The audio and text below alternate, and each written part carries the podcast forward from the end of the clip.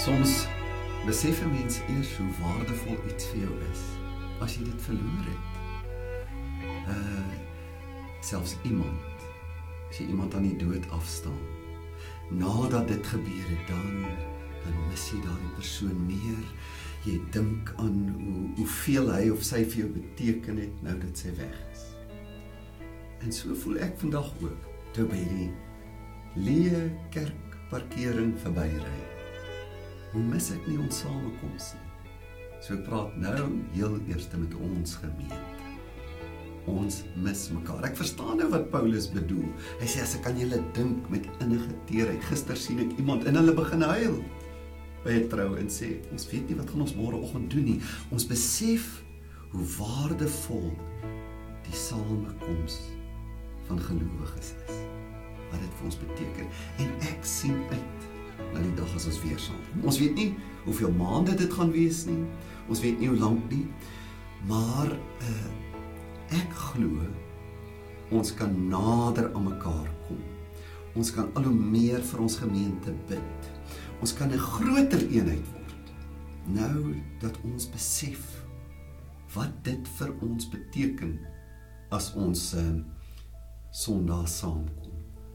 En kan jy daarom dink daardie eerste Sondag as ons nou weer gaan kerk hou, hoe vol gaan die plek wees en met watter blydskap uh gaan ons mekaar weer groet. Ons sien baie uit daarna, maar intussen reis ons saam en ons glo hier gaan baie goeie dinge hier uit hierdie krisis na vore kom. En een van die goeie dinge is is juis wat vanoggend gebeur, die voorreg dat ons met mense oor die hele wêreld kan praat. En daar het mense van oor die wêreld vir ons laat weet, hulle is vanoggend saam met ons en jy is so welkom.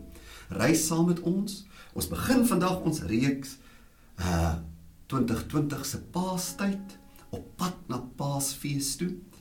En ons begin praat oor daardie groot momente wat ons lei na Goeie Vrydag en Opstanding Sondag toe.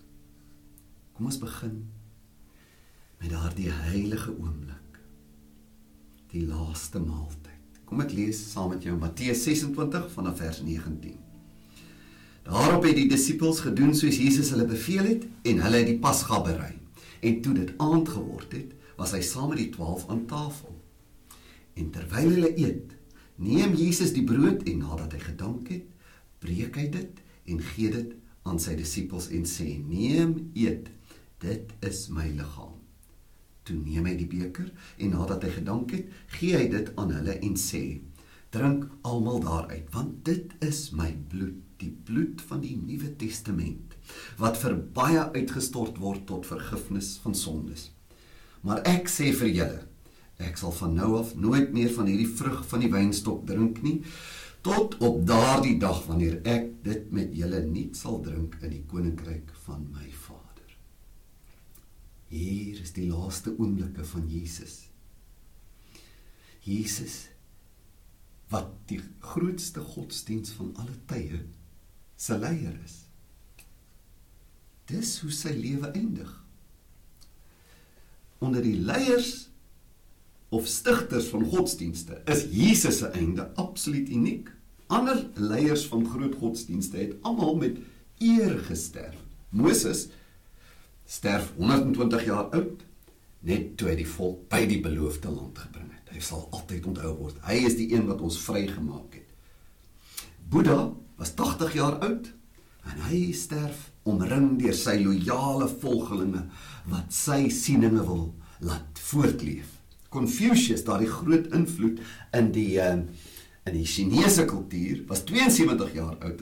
Vroeger was hy uit sy tuisdorp gedwing, maar hy's in ere herstel, terug verwelkom en hy sterf ook omring deur bewonderende volgelinge. Mohammed, hy was in sy 60's.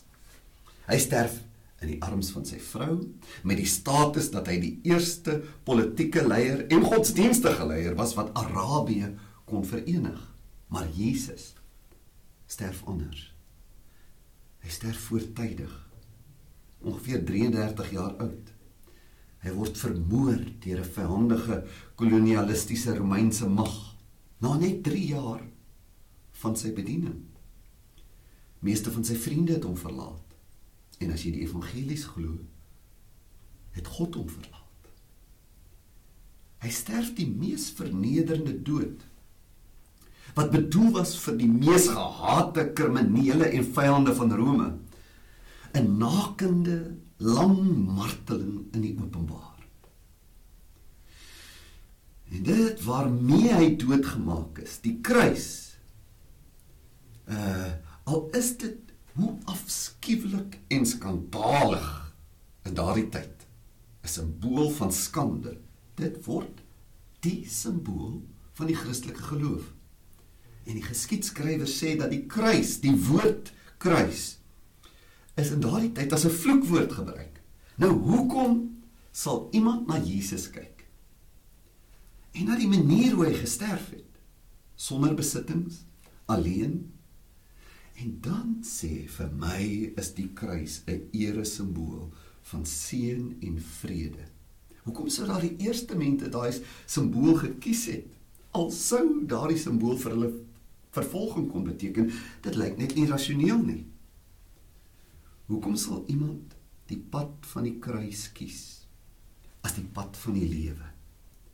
Van ware lewe, van sin en transformasie. Die antwoord moet lê in Jesus se verduideliking van sy dood en natuurlik die feit van sy opstanding. En hier in die laaste nagmaal, wat eintlik eerder die eerste nagmaal genoem behoort te word, bring Jesus sy volgelinge by die betekenis van sy dood. Hy het dikwels al voorheen daaroor gepraat, maar hier kom hy by die kern, by die hart van die Christelike geloof.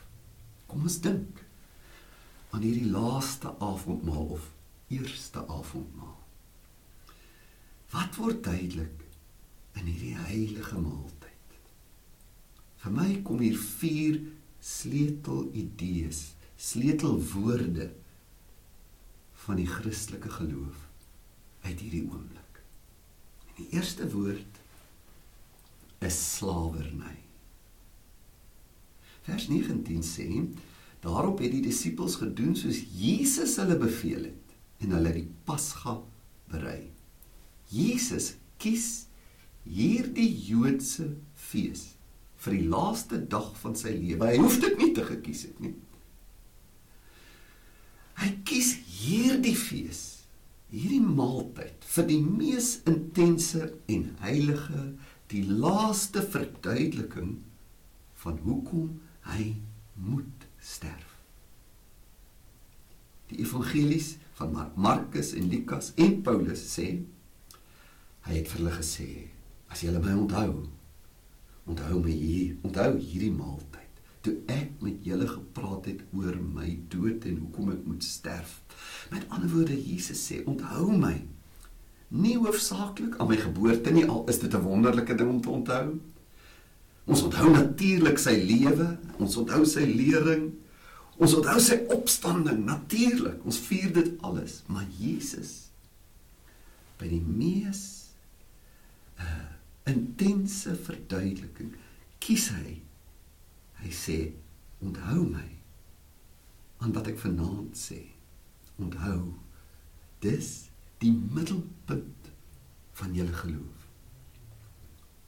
Hy kies daardie maaltyd. Watter maaltyd? Die Pasga, 'n Joodse fees. En daardie fees was daar altyd 'n gasheer, gewoonlik die pa van die gesin of die patriarg van 'n uitgebreide gesin, 'n leier en hy presideer by die maaltyd. Hy is die een wat die ongesuurde brood vat en uitdeel en dan verduidelik hy dit. Hy gee die wyn en dan verduidelik hy dit en dan gee hy lamsvleis en verduidelik hoekom. Dis die maaltyd wat Jesus kies. As die gasheer verduidelik, dan sal hy vir sy gesin sê, ons eet ongesuurde brood, want daar was 'n dag toe ons moes brood maak, wat daar nie tyd was dat die deeg kon sien ingesuur word. Ons moes dit baie haastig eet. Ons eet hierdie lam, want daar was 'n dag toe ons slawe was. En ons moes 'n lam slag en ons moes daardie bloed vat en op die deurposte smeer. En dan moet ons die lam daardie aand gaar maak en eet en die wyn drink want ons moes haastig vlug. Ons was slawe en God het ons vrygemaak en daardie nag Elke huis in Egipte land waar daar nie bloed aan die deurposte was nie, daar het 'n eersgebore seun gesterf. En toe Egipte so getref is en so hartseer is, toe sê Farao, "Julle kan gaan. So is ons bevry van slawerny." Vir die Jode was die Pasga die viering. Ons was slawe en ons het vrygeraak. Jesus kies daardie nagmaal. Daardie Pasga vir die instelling van die nagmaal en vir die verduideliking hoekom hy moet sterf. Ek sterf vir slawe. Ek hier is nie 'n lam. Hy praat nie van 'n lam nie. Ons weet nie eers of daar 'n lam by daai ete was nie. Miskien was daar, maar as Jesus praat, dan maak hy dit duidelik die eintlike lam deur al hierdie eeue was ek wat moes kom vir slawe. Die eintlike bloed wat moet vloei is myne. Want nie net Israel is slawe nie of was slawe nie. Elke mens is 'n slaaf. Jesus gebruik hierdie maaltyd om iets universeel te sê. Sê die hele geskiedenis van Israel en eintlik die hele mensdom lei na hierdie oomblik by die nagmaal. Hier sê ek vir julle. Dis hoekom ek moet sterf. Want mense is slawe. Slawerny om nie vry te wees om te leef soos jy wou nie of soos jy sou wou nie. Om te voel iets dwing my om op 'n sekere manier te leef soos 'n slaaf. En hiermee sê Jesus eintlik iets wat lynreg indruis teen vir al die idees en kultuur van ons tyd die idee dat die mens net edel, goed en selfs goddelik is. Ja, 'n mens is 'n wonderlike wese. Maar die Bybel se se verstaan is dat daar iets baie erg verkeerd gegaan het met elke mens, met alle mense. Al is daar oorblyfsels van grootsheid en goedheid in elke mens, sê Jesus met die nagmaal ek moet sterf want mense is nie soos hulle moet wees of kan wees nie. Hulle is slawe. Hulle is nie soos wat hulle bestem is om te wees nie. Soos wat God wou hê hulle moet wees nie. Hulle is vas. Al sou ons nie die diepste geheime van presies hoekom dit nodig was dat Jesus moes sterf sodat ek kan vry word nie. Sou ons dit nie presies verstaan nie, is dit presies wat die Bybel oor en oor te kenne gee. En dis hoekom Jesus die Pasga kies. As ek nie sterf nie, bly mense slawe. Dink jy so oor die lewe? Hoe is mense slawe? Op baie maniere. Ek kan 'n slaaf wees van my opvoeding, bloot die huis waarin ek groot geword het. Kan idees en wonde by my gelaat het wat my vir die res van my lewe skade doen. Ek kan 'n slaaf wees van my kultuur. 'n Permissiewe kultuur, 'n kultuur wat wat wat eintlik idees na uh, van hoe 'n mens behoort te lewe in my inprogrammeer wat my skade doen. Ek kan 'n slaaf wees van my godsdiens. Hoe moet dit wees om in 'n 'n tyd en 'n plek gebore te word waar mense hulle kinders geoffer het? om so 'n idee te hê oor die lewe jy's 'n slaaf maar ook selfs 'n gewone Christelike tradisionele godsdiens waar daar geen lewe in is nie jy's 'n slaaf party mense het 'n renons in geloof bloot in hoe geloof aan hulle verkoop is nou is hulle 'n slaaf van daardie weersin mense kan 'n slaaf wees van jou wonde en verhoudings ek kan net nie vry wees nie ek loop met 'n stuk bitterheid 'n stuk onvrymoedigheid of 'n stuk selfverwyte. Daar's wonde. Slawe van politieke omstandighede. Om groot om gebore te word in 'n oorlogtyd. Om vandag daar in Sirië te moet bly. Om as 'n Jood in Duitsland uh tydens die Tweede Wêreldoorlog uh, te te leef. Jy's 'n slaaf van van politieke omstandighede. Maar die Bybel sê ons grootste slawerny is vrees. Vrees vir die dood. En in hierdie tyd met die hierdie koronavirus vrees wat die hele wêreld in sy mag het, sien ons dit weer.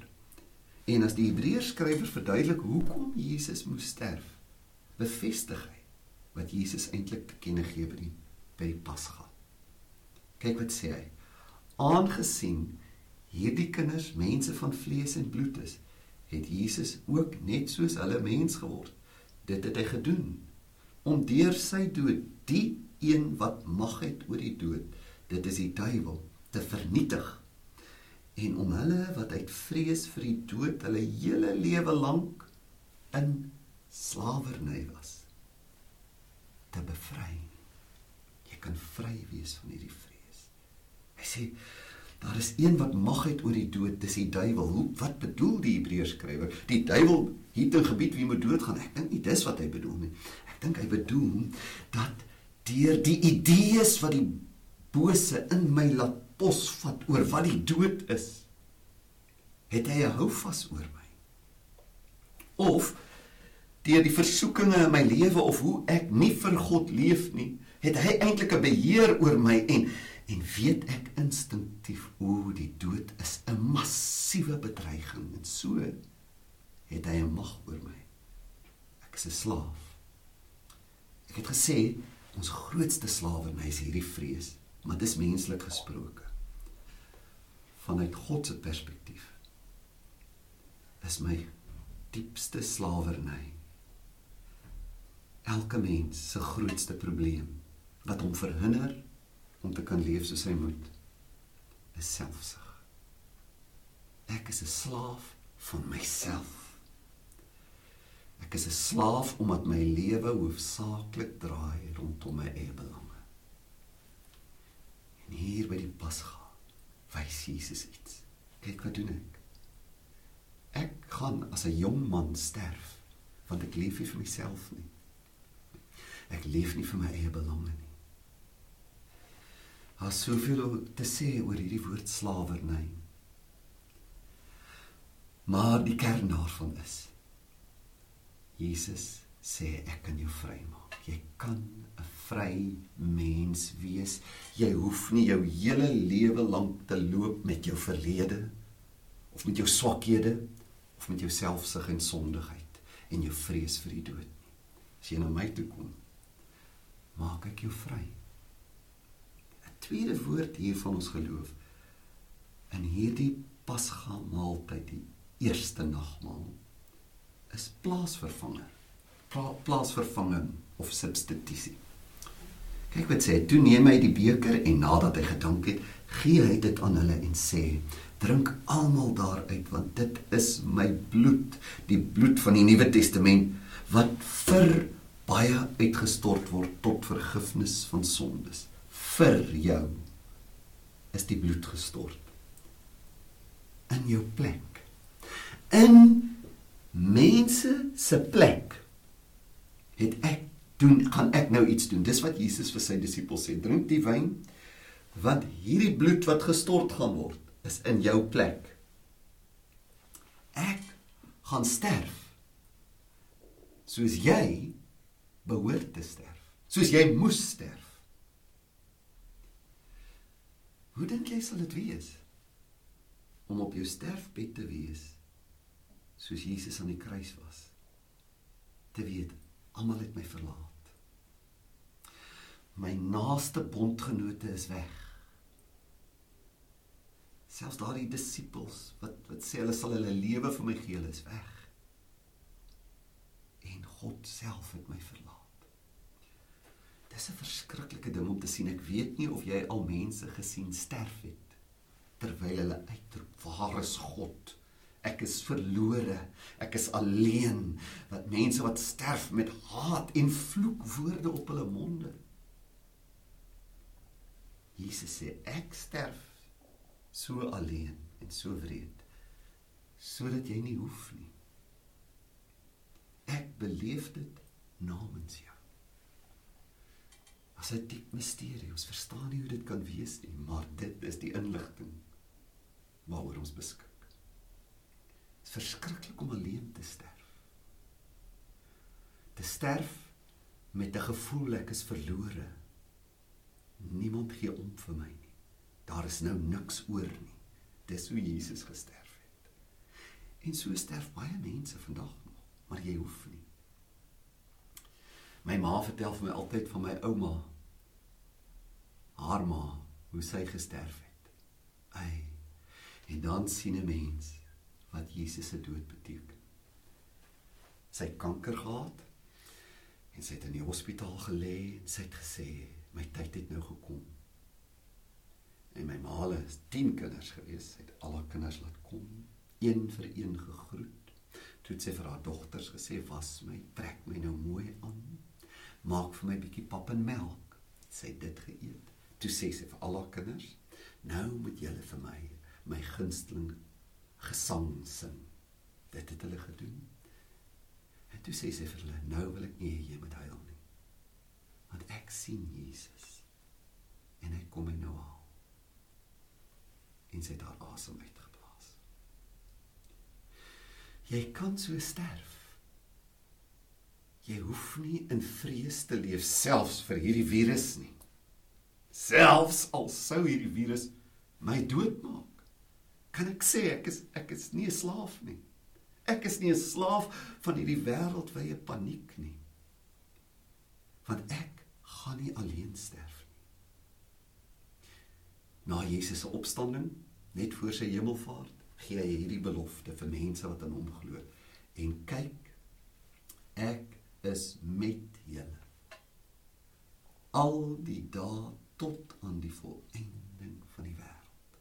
Jesus sê: Tot die wêreld eindig sal hulle wat in my glo nooit hoef te sê ek is alleen nie.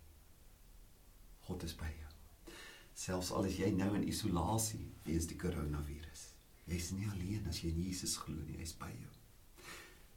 Selfs al kyk jy toevallig na hierdie uitsending en jy glo nie in hom nie, is hy nou daar en hy klop en hy sê maar jy hoef nie 'n slaaf te wees vir hierdie van hierdie vrees nie.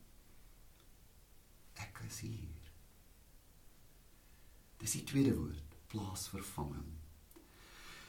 Hy het iets beleef in my plek. Die derde woord uit hierdie heilige maaltyd. As Jesus sê ek het dit vir jou kom doen in jou plek, is die logiese afleiding dat ek vir hom iets werd is. Dit praat van die waarde van 'n mens. Nou moet ons mooi dink. Sterf hy omdat 'n mens waardig is dat hy vir jou sal of moet sterf? As hy sê jy is belangrik vir my. Wat sê hy? Sê hy dat daar inherënt iets in jou is wat verdien dat ek dit vir jou moet doen? Ek behoort dit vir jou te doen want jy is so belangrik of so soveel werd. Nee nee nee. As Jesus sê ek doen dit vir jou sê dit meer van hoe hy is as hoe ek is. Want as ek moet kry wat ek verdien, behoort hy dit nie te doen nie. En een van my gunsteling denkers was 'n man met die naam C.S. Lewis. Kyk wat sê hy. What we have done, what have we done to be worth God loving us? Nothing. Daar's niks in my wat wat genoeg meriete het dat hy vir my behoort te sterf. The Christian does not think God will love us because we are good of because we have worth but that God will make us good because he loves us. Ek kry waarde deur wat hy gedoen het. Hy het dit nie gedoen omdat ek waarde het Johannes 3 vers 16 ken ons almal sekerlik so goed, want so lief het God die wêreld gehad dat hy sy enige gebore seun gegee het, sodat elkeen wat in hom glo nie verlore mag gaan nie, maar die ewige lewe kan hê. Dis omdat God die wêreld liefhet dat die wêreld waarde kry. Die Paulus sê later uh eintlik was ons vyande van hom. Ons was sy oppositie. Maar hy gee ons die waarde van vriende. Nie omdat ons vriende is nie, maar omdat hy ons vriend wil wees. Jy sien, so dink ons aan die waardigheid van 'n mens. Ons dink anders as die idee van die wêreld. Hoe in elke mens is iets so edel dat Christus vir hom moes sterf. Nee. Omdat Christus vir elke mens gesterf het, is elke mens ontsettend waardevol. Jy sien hierdie idee van waardigheid wat die Bybel vir ons gee, is 'n idee van die waardigheid selfs in myself wat my nie arrogant en oorversekerd maak nie, maar net verskriklik dankbaar en nederig. Ja, ek kan my kop optel. Ek is so waardig soos die belangrikste koning, maar ook net so waardig soos die armste dwelmslaaf en bedelaar. My waarde lê nie in wie of wat ek is of was nie of vermag het nie of nie vermag het nie maar in wie my liefhet en wat hy vir my opgeoffer het hy sit 'n prys aan iets wat niks werd is nie en omdat hy daai prys daaraan sit daarom het ek waarde wat 'n wat 'n wonderlike idee jy sien hierdie waardigheid hierdie idee oor ek is waardig want hy het iets gedoen. Hy het nie iets gedoen omdat ek waardig is nie. Hierdie idee help my ook om nie op mense neer te kyk nie. Maar na alle mense te kyk as eweveel werd omdat dieselfde prys vir hulle betaal is. Ek tel my kop op. Ek het waarde. Ek het niks verdien nie maar ek het dit gekry. Ek terwyl ek onwaardig is hanteer asof ek waarde gehad het. En dit het my waarde gegee. Alle ander definisies van die waarde van 'n mens lei tot arrogansie. Maar hierdie verstaan lei tot dankbaarheid. En dan die laaste woord, begrip, idee wat uit hierdie maaltyd kom is die woord inkarnasie. Ek sal nou verduidelik wat ek daarmee bedoel. Jesus maak hierdie nie net sommer so 'n simbool van 'n eintlike dieper ding nie. Dis nie al wat dit is nie. Natuurlik is dit ook 'n simbool. Maar Jesus heg geweldig waarde daarin dat sy volgelinge daardie brood moet eet en daardie wyn moet drink. Fisies iets doen. Vroeger praat hy daarvan in Johannes 6. En hieroor het baie hom verlaat. Kyk wat sê hy. Dit is die brood wat uit die hemel neerdal sodat iemand daarvan kan eet en nie sterwe nie. Ek is die lewende brood wat uit die hemel neergedaal het. As iemand van hierdie brood eet, sal hy lewe tot in ewigheid en die brood wat ek sal gee is my vlees wat ek vir die lewe van die wêreld sal gee. En Jesus sê vir hulle voorwaar voorwaar ek sê vir julle as julle nie die vlees van die seun van die mens eet en sy bloed drink nie het julle geen lewe in julleself nie. Hy wat my vlees eet en my bloed drink het die ewige lewe en ek sal hom opwek in die laaste dag want my vlees is waarlik spys en my bloed is waarlik drank. Wie my vlees eet en my bloed drink bly in my en ek in hom. Jesus maak jou geloof iets fisies. As jy hierdie brood eet, dink jy aan sy liggaam en sy bloed, maar jy dis nie net 'n idee nie, dis nie net abstrakt nie, dis nie net teorie nie. Dis iets wat ek met my liggaam doen. En die ander sakrament of heilige handeling van die Christelike geloof is die doop, ook iets fisies. En nou dit doen iets aan my verstaan van 'n verhouding met God. Dis 'n wonderlike idee om te sê ek gee my hart vir die Here. Maar as dit alles wat ek dink, dan doen dit skade. Die Bybel maak net soveel daarvan dat ek my liggaam vir die Here moet gee. My geloof moet 'n geloof van die liggaam wees, net soos 'n geloof van die denke en die emosies en die diepste wese is. As jy dit skei, dan is jy nie waar Jesus is met hierdie maaltyd nie. Sê eet dit. Eet dit. Laat dit in jou lyf kom. Jou geloof het met jou liggaam te doen. Het jy al jou liggaam vir die Here gegee? Jy kan dit daar doen. Selfs hierdie liggaam wat nou bedreig word deur 'n virus om te sê Here, hierdie behoort aan U. Ek wil U dien met my liggaam. Dit sal 'n effek hê op alles wat ek eet en drink. Kan ek my verslaaf aan iets? Kan ek toelaat dat iets my liggaam 'n slaaf maak? Dit sal 'n effek hê op my seksualiteit. Dit sal 'n effek hê selfs in hoe ek my godsdiens uitdruk. Hoe ek bid, ek praat met woorde. Ek kan dalk buig en kniel vir die einde van die boodskap. Kom ons lees net so 'n klompie verse om so perspektief te kry in die Bybel dat ons geloof met die liggaam te doen het. Kom ons begin daar by Psalm 139. Ek wil U loof want U het my op 'n wonderbaarlike wyse geskep. Wat U gedoen het, vervul my met verwondering. Dit weet ek seker. Geen been van my was vir U verborge toe ek gevorm is waar niemand dit kon sien nie. Toe ek aan mekaar gewewe is diep in die moederskoot. Psalme sê ek glo God het hierdie liggaam ontwerp. Psalm 63 Ek sal U my lewe lank loof en my hande ophef om U naam te prys. Ek sal U met my liggaam prys. 1 Korintiërs 6 in die Lewende Bybel is so mooi. Ons het 'n liggaam om die Here mee te dien. En van sy kant af sorg die Here vir ons liggaam. Sê dit as jy vandag bang is vir hierdie virus. Die Here sal sorg vir my liggaam.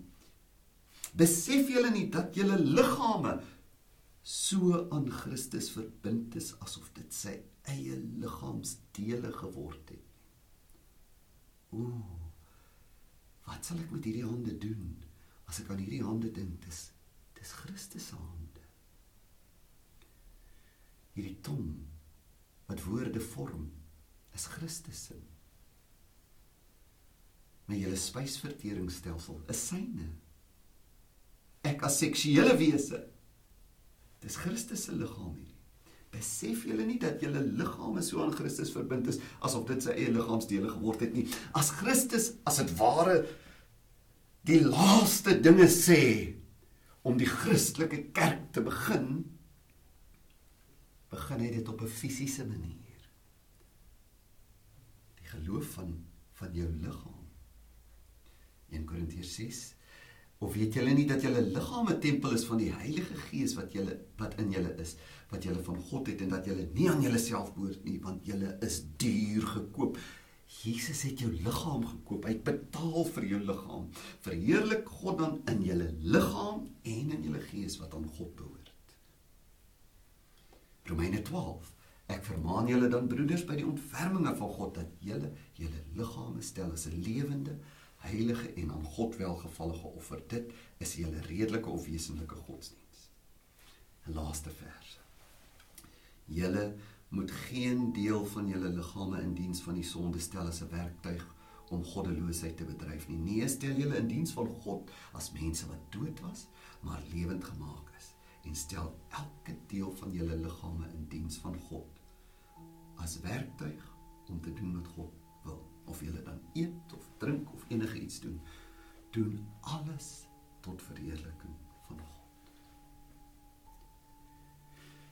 Miskien het jy al jou hart vir die Here gegee. Dalk sê hy vandag vir jou, ek wil jou liggaam hê. Jy kan nie verder so leef met die liggaam nie. Jou geloof, die geloof het begin met die eet van brood en die drink van wyn. Ek wil jou help dat jou geloof jou liggaam insluit. Inneem, intrek. Ai, wat 'n maaltyd was dit nie. 'n Maaltyd wat vir ons sê ons is slawe. Maar ons hoef nie te wees nie.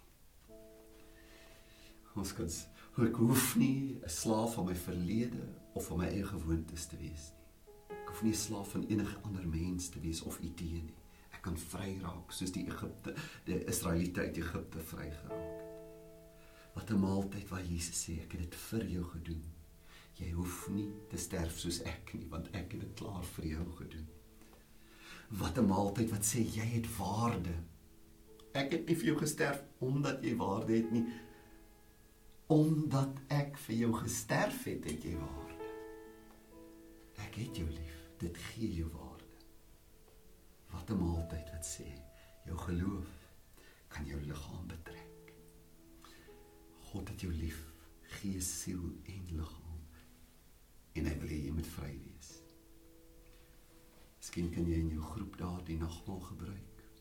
Ons weet nie wanneer ons as gemeente weer saamkom nie. Jy kan natuurlik na die kapel toe kom. Ons dek die nagmaal baie higienies. Maar Christus sê, kom. Soos jy is, al jou vrese ook in hierdie tyd van hierdie virus. Jy hoef nie 'n slaaf te wees nie. Kom ons bid saam. Dankie Here vir hierdie laaste maaltyd. Toe U vir ons kom sê, ek sterf vir jou om jou vry te maak. Om jou 'n lewe te gee. Jy hoef nie in vrees te leef nie. En ek bid vir elke persoon wat geluister het na die boodskap wat nou vrees het. Wat voel erns is ek 'n slaaf, miskien in 'n verhouding of in angs of in 'n situasie of in gewoontes. Here, maak oë oop om te sien U het gekom om slawe vry te maak. In Jesus naam. Amen. Ek hoop hierdie boodskap het vir jou iets beteken. Jy kan dit natuurlik aflaai op ons webwerf. Kan ek nou met ons gemeente praat? Jy weet natuurlik dat hierdie krisis dit bedreig die wêreldekonomie, maar dit dit bedreig ook jou gemeente. 'n gemeente die Bybelse gemeentes ook Paulus het soveel briewe geskryf wat met geld te doen het. Ek wil vertrou dat jou gemeente, Eden gemeente, nie sal skade. Dat jy getrou sal bly. Dat jy sal bly gee. Nie sal sê ek sal weer gee eendag as die kerk begin nie. Jy kan nou bydra. Daar op die skerm wanneer die laaste lied gaan speel, sal daar vir jou die inligting verskyn. Jy kan bydra deur middel van SnapScan, Zapper of jy kan 'n EFT doen. Om maandag 'n laaste lied sing en raak stil en sê Here, ek neem hierdie brood. Ek gaan nie nagmaal nie, maar U is my brood, die brood wat my 'n vry mens maak. En as jy wil, kan jy nou reeds gee of 'n besluit neem, so gou as wat vir my moontlik is sal ek my bydraes bring. Mag jy vry wees en onthou wat Jesus in die eerste nagmaal gesê het.